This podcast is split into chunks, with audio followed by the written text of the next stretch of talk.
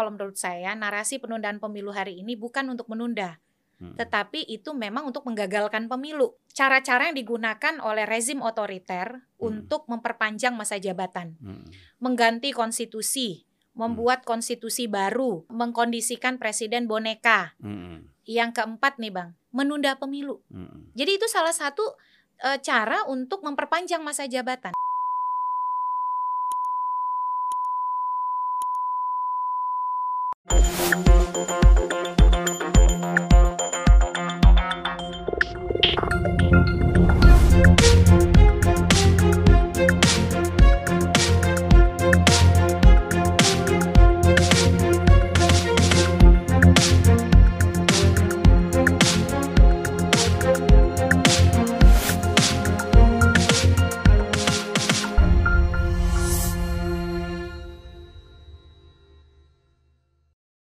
Ada suatu semangat yang berkembang bahwa hmm. sistem pemilu kita juga untuk anggota legislatif ini juga akan berubah lagi uh -huh. dari terbuka proporsional uh hmm. -huh. terbuka ke proporsional tertutup. Uh -huh. Ini bagaimana Mbak melihatnya ini? Iya, uh, kalau saya kan sebagai um, aktivis sekaligus hmm. juga pengajar pemilu hmm. uh, berpandangan selalu ada plus minus dari sistem pemilu, bang. Iya, iya. Dan kalau kita lihat dinamika Indonesia, hulunya hmm. itu ada di partai politik. Mau dia terbuka, tertutup, itu hmm. bergantung pada kualitas partai politik. Yeah. Tetapi ini kan bicara rame-rame sistem pemilu ini hmm. karena ketimbang mendiskusikan ini di gedung parlemen, warga itu yang enam orang ini pergi ke Mahkamah Konstitusi hmm. untuk meminta menyatakan bahwa sistem pemilu proporsional terbuka itu inkonstitusional hmm. dan yang konstitusional adalah yang tertutup. Hmm, tertutup. Menurut saya ini salah kaprah besar hmm. karena ya mari kita lihat lagi risalah buku 5 eh, perubahan undang-undang hmm. dasar itu saya cari betul konsensus soal sistem pemilu ternyata sampai rapatnya ditutup dan jadi pasal 22E, hmm. pasal 6A, pasal 22E dan seterusnya. Hmm.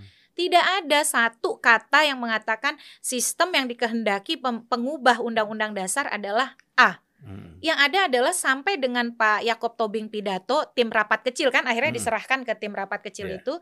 Itu dia menyatakan e, ya oh, sorry Pak uh, apa Pak Slamet Effendi Yusuf pada waktu hmm. itu ketika mau menutup uh, apa rapat dia hmm. mengatakan gini uh, ada yang mengusulkan uh, distrik atau pluralitas ya first hmm. past the post hmm. lalu ada yang mengusulkan proporsional, proporsional ada yang mengusulkan campuran atau hmm. mix hmm. nah nanti kita serahkan kepada tim kecil katanya hmm. sampai dengan laporan tim kecil pun tidak ada konsensus satu begitu hmm. nah dari situ ketika dia terbit menjadi pasal 22E memang di pasal 22E eh, ayat 3 itu itu disebutkan peserta pemilu DPR dan DPRD adalah partai politik. Mm-hmm. Apakah itu artinya sistem pilihan itu adalah proporsional tertutup? Tidak. Mm-hmm. Karena kenapa? Kalau sistem proporsional ya pesertanya adalah partai politik baik terbuka mm. ataupun tertutup yeah. begitu. Nah, dengan demikian saya um, berkeyakinan bahwa pilihan soal uh, sistem pemilu itu kan hmm. kan salah satu variabel saja ya, hmm. yaitu metode pemberian suara hmm. dan uh, lain-lain. Sistem pemilu itu kan ada banyak variabelnya, ada ada enam minimal, empat yang utama, dua yang tambahan. Empat hmm. utama ini metode pencalonan, hmm. metode pemberian suara, balloting structure atau struktur surat suara, hmm. dan metode pemberian uh, metode penentuan uh, calon yang mendapatkan kursi yeah. atau konversi suara jadi kursi. Nah, itu bukan otoritasnya MK. Mm-mm. Itu adalah kebijakan politik hukum terbuka atau open legal policy dari pembentuk undang-undang. Pembentuk undang-undang silakan berkonsensus memperhitungkan aspek sosial, politik, ekonomi, budaya masyarakat, hukum sehingga kita lahir dengan pilihan sistem pemilu yang cocok bagi Indonesia. Nah, sayangnya kan ini dibawa ke MK. Dan kita tidak pernah tahu MK kita memutuskan apa? Nah itu yang saya dapat kabar katanya, wah ini bisa jadi berganti ke tertutup. Tapi saya berdoa ya ampun, maksudnya ini jangan sampai kejadian gitu. Karena kita sudah cukup. Artinya kan bagi Mbak Titi bukan persoalan terbuka atau tertutupnya kan. Tapi secara hukum MK itu jangan memutuskan yang yang keliru kan. Tidak berwenang. Tidak berwenang gitu. ya. Bayangkan MK itu kalau sampai memutuskan ini yang ter, uh, konstitusional adalah tertutup, hmm. hukum kita sudah terbolak-balik. Hmm. Urusan yang ambang batas pencalonan presiden, MK katakan itu open legal policy. Hmm. Padahal pasal 6A ayat 2 sudah jelas menyebut pasangan calon presiden dan wakil presiden diusulkan oleh partai politik hmm. atau gabungan partai politik peserta hmm. pemilihan umum hmm. sebelum pelaksanaan pemilihan umum. Kan partai politik atau gabungan partai politik peserta pemilihan umum jelas terang benderang. Itu kata MK open legal policy. Diserahkan ke pembentuk undang-undang, boleh yeah. ada, boleh tidak ada. Yeah. Tapi urusan yang tidak terang benderang kalau sampai MK katakan yang konstitusional ada yang A, saya tidak kebayang nih kita harus bagaimana lagi berhukum ya bang. jadi saya makin bertanya-tanya manfaatkah saya mengajar hukum pemilu gitu. ya jadi kontaminasi ter, apa MK ini berarti sudah terkontaminasi dengan kepentingan politik yang terlalu dalam ya. Betul. Nah sehingga mereka juga bingung kan kalau kita sudah tidak bisa mendudukkan meletakkan sesuatu secara proporsional. Uh mhm. -huh kan menjadi bingung. Apa yang mau kita kita memutuskan ini secara untuk kepentingan politik ya. atau ansih memang ini persoalan hukum gitu loh. Oh, ya. Nah, ini yang saya lihat dalam MK ini seperti itu sekarang ya. Nah, kalau nah. Uh, saya kutip uh, waktu Profesor Tim Ginsberg uh, uh, hmm. apa uh, to, sorry Tom Ginsberg datang hmm. ke Indonesia, dia ahli uh, perbandingan politik dan ahli hukum internasional ya. hmm. ya. Dia bilang begini, Bang, ada tiga indikasi pelemahan Mahkamah Konstitusi di dunia. Jadi dia riset comparative studies di dunia, tiga indikasi pelemahan MK itu hmm. uh, praktiknya di dunia itu dilakukan dengan tiga cara. Hmm. Satu, penggantian personel dua pengabaian putusan MK, hmm. tiga intimidasi. Pertama satu penggantian personel. Sudah kejadian kan Hakim Aswanto hmm. tidak ada angin, tidak ada hujan, kemudian diganti hanya karena sebagai pengusul DPR merasa ini hakim suka mengganti atau membatalkan produk-produk DPR. Hmm. Berarti kan sudah terjadi determinasi kekuasaan hmm. legislatif terhadap kekuasaan yudisial. Yeah. Nah, itu sudah indikasi pertama. Kedua, pengabaian putusan MK. Hmm. Undang-Undang Cipta Kerja agak susah tuh hmm. kalau mengatakan bahwa tidak ada pengabaian. Nah, yang tiga intimidasi. Saya berharap intimidasi ini tidak terjadi ya. Hmm. Tapi itu yang kemudian ya sekali lagi menggelisahkan karena ya cara kita berhukum kok begitu gitu. Padahal hmm. MK ini kan produk reformasi yang kita harap yeah. bisa menjadi kekuatan penyeimbang di antara tiga cabang kekuasaan yang hmm. ada di Indonesia. Ya Mbak, jadi semuanya kan dari awal kita bicara ini penuh dengan kekhawatiran ya. nah, yeah. yang kita khawat, yang yang kita paling khawatir ini kan ketika pemilu dikatakan ditunda hmm. atau dengan katakanlah gagal ya. hmm. ya. Ini kan pasti yang kita khawatirkan ini kan terjadinya chaos Betul. di tengah-tengah masyarakat kita. Eh, apa anarkisme Betul. itu akan semakin eh, meningkat. Hmm. Nah, bagaimana kira-kira untuk kita mencegah hal ini tidak terjadi? Apa yang kita lakukan ya obrolan ini kan sebenarnya bagian dari itu ya, iya, termasuk yeah, yeah. juga kerja-kerja masyarakat hmm. sipil dari hal yang paling kecil saja, misalnya yang kita lakukan hari ini. Yang menurut saya kuncinya sekarang ya memang ini sudah unstoppable. Saya selalu bicara situasi hari ini seolah-olah sudah sudah ya unstoppable kalau sudah ada maunya tuh tidak bisa dihentikan. Hmm. Kita ini seperti berisik di dalam kebisingan. Hmm. Jadi suara kita kencang tapi sulit didengar karena yeah. bising di mana-mana kan. Nah, um, indikasi bahwa akan jadi chaos itu saya kira uh, sangat beralasan karena hmm. uh, kenapa? Ya, misalnya tadi angka survei menyatakan walaupun orang suka dengan Pak Jokowi tapi hmm. mayoritas hmm. menginginkan pemilu tetap terlaksana tepat waktu dan tidak hmm. ada perpanjangan masa jabatan isu ini itu akan menyatukan berbagai gerakan dan dia akan diperhadapkan pada kelompok yang lain. Jadi akan dibertemukan tuh hmm. face a face hmm. antar kelompok. Dan itu pertaruhannya itu bangsa kita begitu. Nah, ya harapan satu-satunya adalah publik harus terus bicara di tengah kebisingan ini di saat yang sama ya kita terus meminta agar ya tadi ya elit jangan jangan cerai beraikan Indonesia begitu. Hmm. Jadi kita kita ini kan dibangun dari um, tatanan yang beragam begitu ya. um, bisa dibayangkan kalau tujuannya kan perpanjangan itu apa narasinya ya, hmm. narasi yang mereka klaim. Yeah, yeah. Menjaga stabilitas ekonomi, hmm. lalu kemudian uh, menjaga program-program uh, strategis uh, agar terus berlanjut. Hmm. Apa iya kalau terjadi chaos, benturan massa, konflik uh, sosial di masyarakat gitu ya, itu akan berjalan tujuan-tujuan itu? Atau jangan-jangan memang hmm. itu yang diharapkan gitu? Ya tapi kan begini mbak, ya kita sedikit, saya coba sedikit bergeser ya eh, pemerintah ini kan ada yang namanya institusi intelijen. Iya. Yang sekarang sudah dibentuk oleh Pak Jokowi juga berada di bawah Menteri Pertahanan hmm. kita, hmm. Pak hmm. Prabowo. Salah satu eh, tugasnya adalah kan menjaga stabilitas, hmm. ya. Dan kemudian chaos itu kan kita katakan instabilitas, yeah. ya kan? Yeah. Nah, sementara yang dibutuhkan itu ada stabilitas. Hmm jadi apa yang kita kita khawatirkan iya. itu sebenarnya sudah dikondisikan uh-huh. agar ini bisa stabil. Iya. Ya, sebenarnya situasi bisa menjadi chaos uh-huh. karena ada peran intelijen untuk uh-huh. mengatur ini semua, uh-huh. ya. Jadi apakah misalnya ada teori abortus misalnya. Uh-huh. Uh-huh. Saya ingat begini dulu, Mbak ya. Ketika Amerika ingin menyerang Irak, uh-huh. itu kan ilustrasi aja uh-huh. ya Kan banyak orang bilang kan Irak itu mayoritas Syiah. -mm. Kalau seandainya Amerika menjatuhkan Saddam Hussein -mm. yang notabene itu tidak suka sama Syiah, -mm. kalau Saddam Hussein ini jatuh, -mm. maka yang naik itu adalah eh, eh, apa kelompok Syiah yang -mm. akan memimpin negara ini. -mm. Tapi kan pihak Amerika mengatakan udah gampang, udah kita setting kok. Mereka nggak bakal bisa nih orang Syiah berkuasa di Irak, karena kita sudah setting. Nah jadi saya kira ini juga jangan-jangan semuanya sudah disetting gitu loh. Iya. Jadi sehingga yang kita khawatirkan itu tidak terjadi, tetapi apa kecurangan dan ketidakadilan terus berlanjut, yeah, yeah. gitu mbak.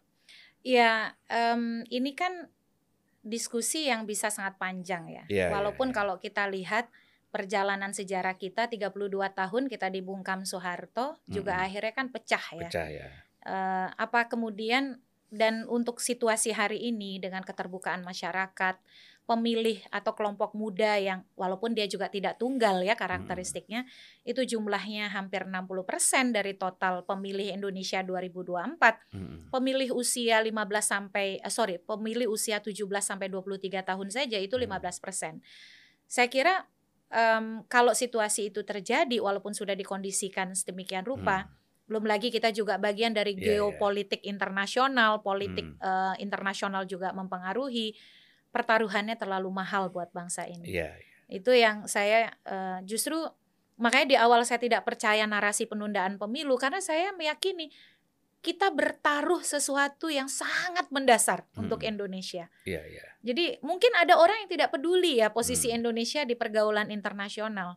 Kalau saya sih peduli hmm. begitu, karena ya yang yang membuat ketika saya hadir sebagai seorang perempuan dari Indonesia bergerak di isu pemilu, saya mem memperlihatkan wajah Indonesia kepada dunia. Hmm kompatibilitas antara Islam dan demokrasi, hmm. suara perempuan yang bisa hadir dan didengar masa itu harus kita negasikan semua begitu ya? Ya, jadi saya kira beginilah kita kita juga tidak yakin ya bahwa Pak Jokowi dianggap sebagai seorang presiden yang gagal menyelenggarakan pemilu kan. Iya. Ini kan citranya tadi kalau kita bicara dalam pergaulan internasional kan itu citranya nggak bagus. Betul. Nah, oleh karena itu kita belum yakin juga ini. Ini kemauan siapa? Karena kan semuanya kan tanggung jawabnya, dampaknya kan pada pribadi seorang presiden. Betul. Ya, kalau pemilu ini gagal, kemudian terjadi chaos, ya. ya sementara kita ini sekarang posisi kita di mata internasional sudah luar biasa. Kita sekarang ini sebagai apa istilahnya ketua negara-negara asosiasi negara-negara ASEAN ini ya. kita sebagai ya. pimpinan sekarang. Betul. Ya. Dan tahun depan ini November loh November tahun hmm. ini kita akan ada lagi G20. Oh ya. Itu kan di India ya, kan? India, betul. Di India. Hmm. Ya artinya kan eh, kalau terjadi chaos sebelum itu kan kondisinya bagaimana? Betul. Nah ini saya kira kita mengharapkan ya bahwa eh, jangan sampai lah penundaan pemilu ini terjadi dan mengakibatkan efek politik yang sangat dalam. Betul. seperti chaos dan lain-lain. Nah, oleh karena itu, ya kan, Mbak, kita melihat bahwa eh, elit Iya. elit politik kita Mhm. di mana pun mereka berada Mhm. jangan mengakali konstitusi, Betul. ya kan? Konstitusi itu kalau dia dianggap hanya teks, teks yang bisa diubah. Ya, Tetapi eh, tadi ya, kalau bicara yang prinsipil soal Hmm. legacy, soal peninggalan rekam jejak sejarah, itu kan Hmm. yang harus yang akan ditinggalkan oleh elit. ya, Kalau kita bicara, jadi ada ada eh, ada yang mengatakan ini penundaan pemilu itu dimungkinkan dengan alasan-alasan yang darurat. Mm, Pertama, kalau menurut saya narasi penundaan pemilu hari ini bukan untuk menunda, mm, tetapi itu memang untuk menggagalkan pemilu. mm, Jadi saya membaca satu jur- jurnal yang ditulis oleh Mila Versteg. Ar- eh, Cara-cara yang digunakan oleh rezim otoriter untuk memperpanjang masa jabatan, mm, mengganti konstitusi, membuat konstitusi baru, mem- eh, memba- me- mengkondisikan presiden boneka. mm, Yang keempat nih bang, Sat, menunda pemilu. mm. Jadi itu salah satu eh, cara untuk memperpanjang masa jabatan. Itu kan dalam pemerintahan yang otoriter. Betul. Kita kan demokratis. Iya, tetapi kan tak ya.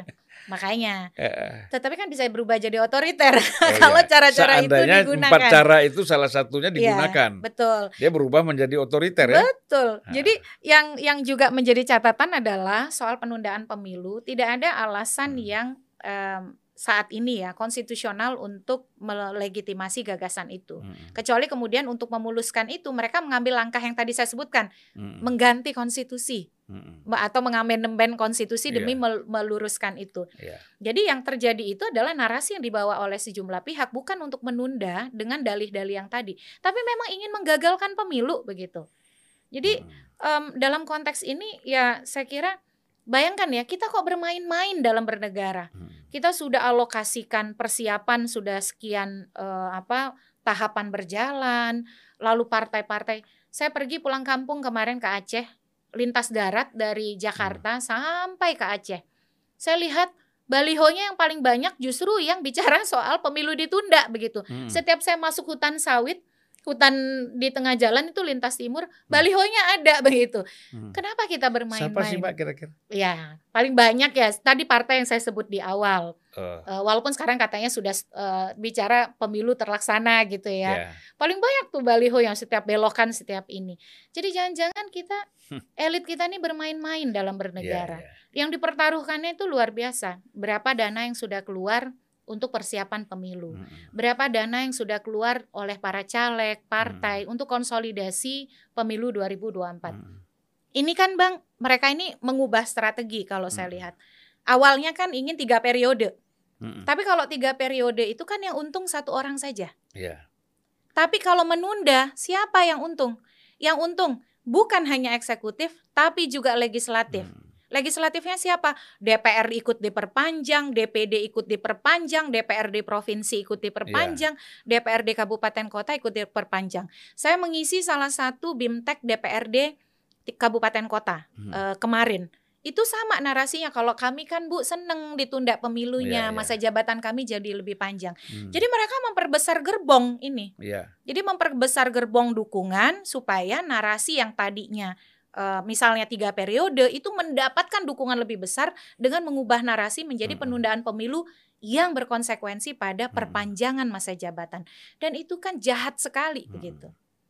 Artinya kan begini, kalau kita lihat dari apa yang diceritakan oleh Mbak Titi ya, bahwa 26 tahun kita reformasi berjalan, demokrasi kita dan perilaku-perilaku politik kita kan semakin menurun nih. Betul. Ini apa ini, Mbak? Ya karena kita satu lupa yang ya mungkin saya juga tidak tepat ya, tetapi saya perhatikan eh, Bang, kita ini mereformasi semua ya, Hmm, tapi kita luput mereformasi partai politik kita. ya, dan juga budaya politik di dalamnya. Sehingga eh, kultur politik terdahulu itu masih melembaga tuh jangan-jangan di partai kita. ya mungkin begini. Saya setuju juga dengan kata Pak Hamzah. Karena karena pimpinan-pimpinan partai politik ini sebagian besar itu adalah mereka para pedagang. ya kalau pedagang kan semuanya dagang transaksional kan. Iya. Mana mereka pikir soal negara? Saya nggak yakin tuh mereka baca ko- konstitusi Undang-Undang Dasar 45, Iya. Undang-Undang Partai Politik, ya, Iya. kemudian Undang-Undang Persoalan Ekonomi. Hmm. elit-elit politik kita saya nggak yakin Aduh. Mengkaji ini. Jadi sebenarnya mereka sedang tidak bernegara, Iya. tapi sedang bercanda. Oh, iya. Ya. Nah, itu bagus tuh, Bang. Ah, Ya, mereka sedang tidak bernegara tapi sedang bercanda. Tapi yang dia pertaruhkan 300 Ya. juta orang yang eh, men- apa namanya mengukuhkan dirinya sebagai rakyat Indonesia. Kita nih dari Sumatera nih Ya. dua-duanya. Saya Ah. Sumatera Selatan, Abang Aceh gitu ya. Eh, di bawah bendera Indonesia dan itu yang dia pertaruhkan loh. hmm. Kebayang tidak ya? Terbayang tidak oleh mereka bahwa yang dipertaruhkan itu sangat besar. Makanya saya lihat mereka ini bicara NKRI ini sebenarnya basa-basi. Hmm. Yang serius bicara NKRI itu masyarakat sipil dan masyarakat. Mhm. Mhm. Tapi kalau kita bicara elit partai, Iya, tidak semua memang, iya. Ya. tapi umumnya kan itu basa-basi sebenarnya. Mereka nggak pernah mikir kok NKRI ini mau jadi apa. Jadi ini yang menurut saya yang harus kita apa kita luruskan ya. Iya. Nah itu tadi. Jadi ada reformasi lagi yaitu reformasi partai politik. Setuju. Harus jelas itu orang menjadi pimpinan partai politik itu dasarnya apa? Bukan karena hanya ada uang bikin partai terus Iya. jadi. Iya, Wah ini bahaya sekali. Betul. Walaupun itu tidak ada masalah secara hukum, betul. tetapi kan secara moral kan nggak benar itu, Betul, Bang. Gitu. Ya, saya kira kan eh, ini regenerasi masyarakat sipil kan terus Hmm. berjalan ya. Ya. Orang yang sekarang kita sebut elit itu beberapa di antaranya kan adalah kelompok masyarakat sipil di era awal reformasi. ya. Ternyata kekuasaan mengubah orang begitu ya. hmm, Nah, eh, konsolidasi masyarakat sipil saya kira jadi tantangan berikutnya untuk mendorong isu yang tadi disebut. Hmm. Sambil memang ya gerakan masyarakat sipil juga harus dikawani oleh ya oleh abang begitu ya, oleh Hmm. Ya. orang-orang yang memang masih melihat bahwa ya em, negara ini jangan di dibecandain kan begitu ya, ya. kira-kira. Ya, jadi kembali lagi persoalan partai. Yang ideal menurut Mbak Titi ini partai politik kita berapa ini? Em, kalau saya tuh pendukung eh, multi partai ya. Hmm, hmm. Saya senang keragaman eh, politik, Bang. Eh, bagi saya sih bukan membatasi eh, partai untuk masuk parlemen, Hmm, tetapi kita bisa melakukan eh, rekayasa atau engineering sehingga mengkonsentrasikan kekuatan itu di parlemen. hmm, hmm. Makanya itu bisa dilakukan misalnya dengan eh, menerapkan ambang batas itu bukan di bukan tinggi di parliamentary threshold untuk Iya. masuk ke parlemen, tapi bisa diberlakukan salah satunya dengan ambang batas pembentukan fraksi. Hmm, hmm. Jadi biarkan saja misalnya seperti 99 kan, Ya, ya. partai masuk parlemennya banyak. Eh, 2004 juga begitu kan karena tidak ada ambang batas parlemen masuk Hmm. parlemennya juga banyak. Tetapi karena presiden ini berhadapan dengan kelompok-kelompok politik di dalam partai dia perlu disederhana di dalam parlemen Hmm, dia perlu disederhanakan.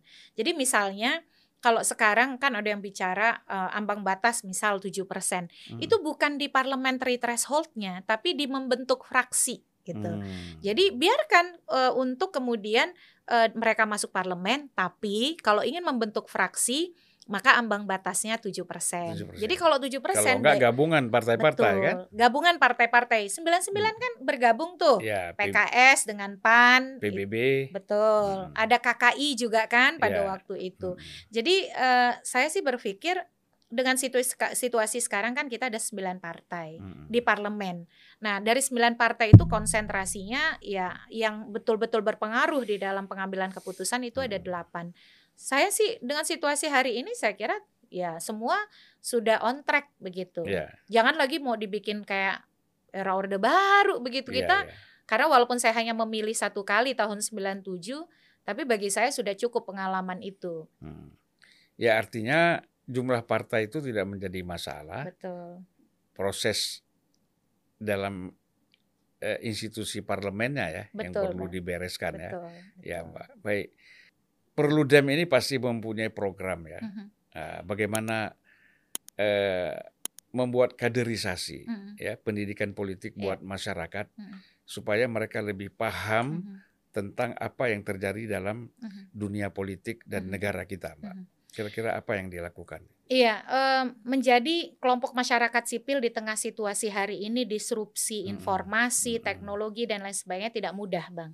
Kita bergelut dengan eh, kondisi internal lembaga. Kan Mm. kami ini kan orang memilih jalan-jalan berbeda ya. Ya. Maksudnya memilih gerakan eh, sosial aktivisme ketimbang misal memilih jalur yang lebih stabil. Hmm. Kita juga menghadapi tantangan internal lembaga tadi mulai dari kaderisasi, regenerasi di internal, eh, kemampuan untuk membangun ketahanan atau resiliensi Mm-mm. begitu.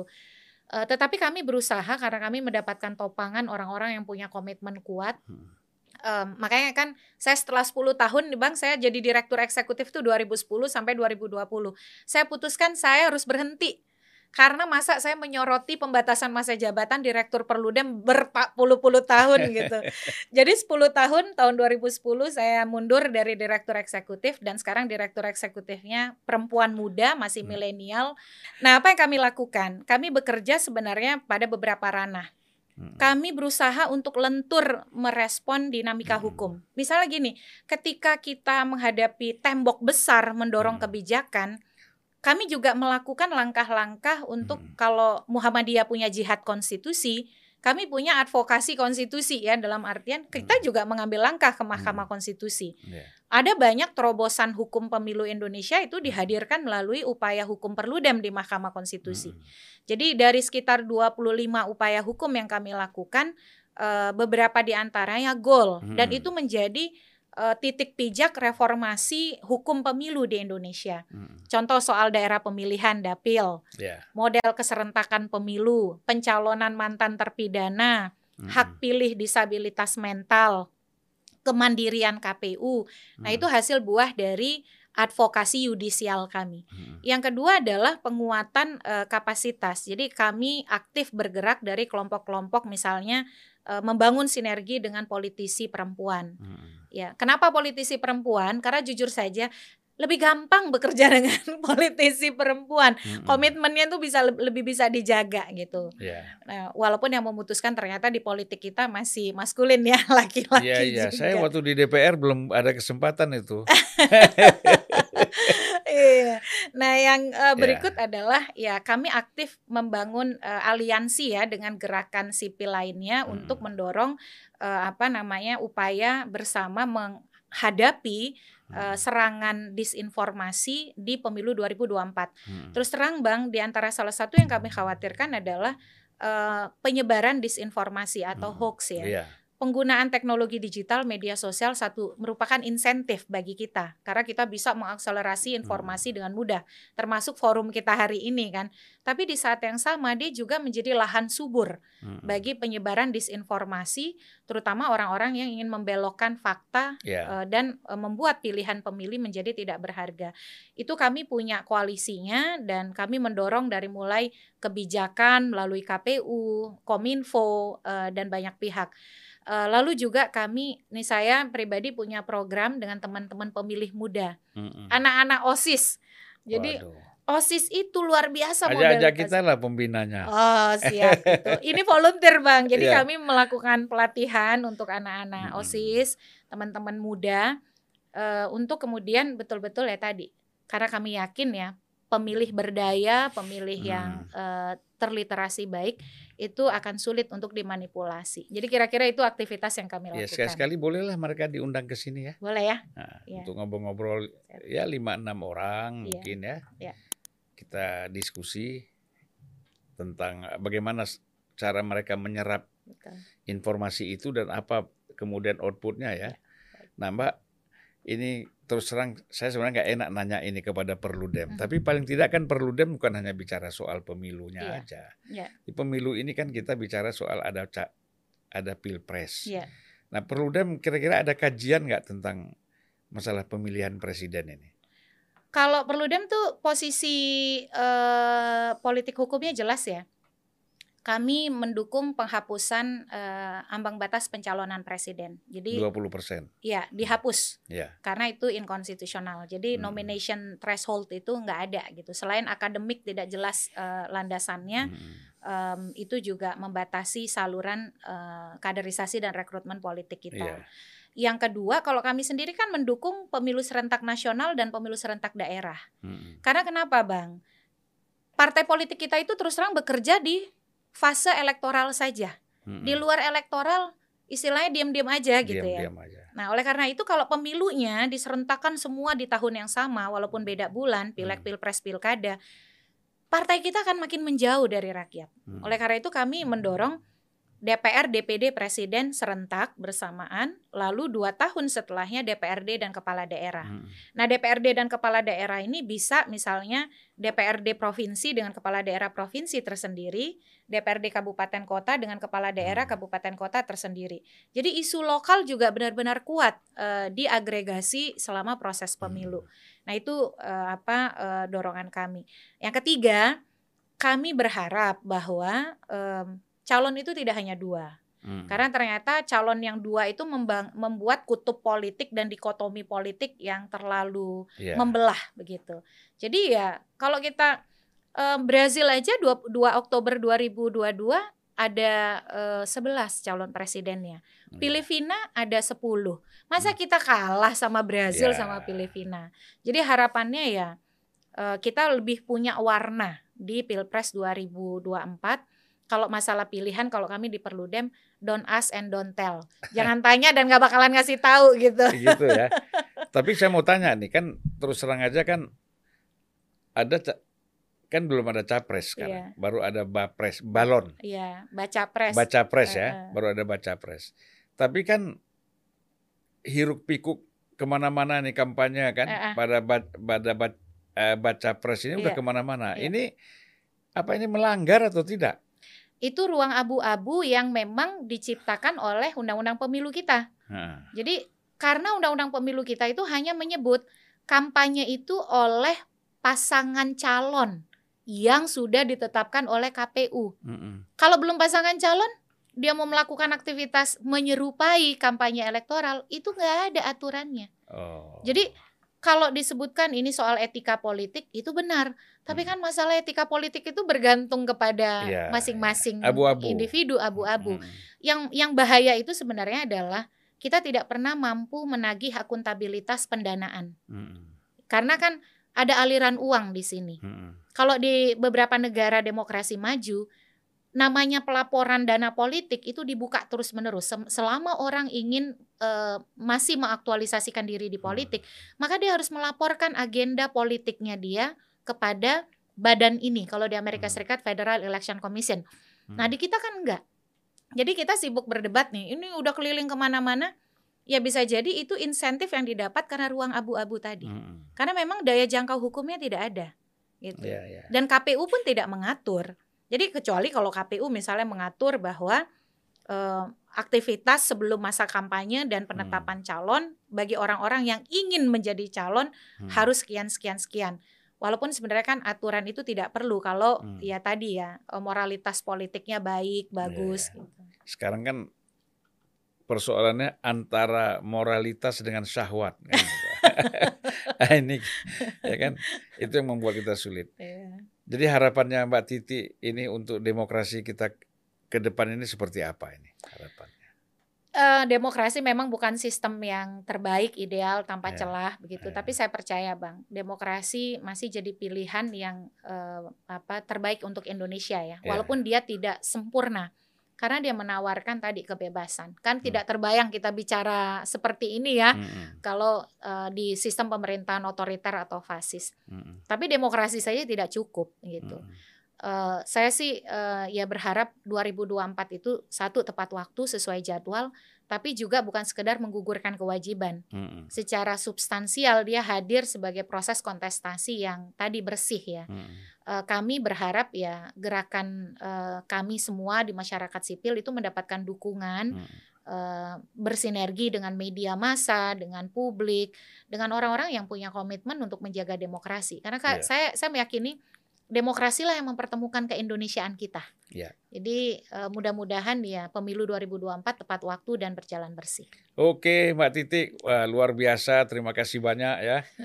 Kita sudah satu jam 20 menit. Waduh, luar biasa ini. Nggak tahu orang sanggup nggak nonton satu jam 20 menit. Tapi nanti kita atur lah bagaimana Iya. caranya ya, Iya. Mbak ya. Terima kasih banyak Mbak Titi dari Batam langsung ke sini ya, menyita waktu. Mudah-mudahan apa yang kita bicarakan ini cukup bermanfaat Amin. untuk negara kita, Amin. untuk masyarakat ya, terutama dalam konteks pendidikan politik Mhm. buat masyarakat kita. Terima kasih. kasih. Assalamualaikum warahmatullahi wabarakatuh. Waalaikumsalam warahmatullahi wabarakatuh.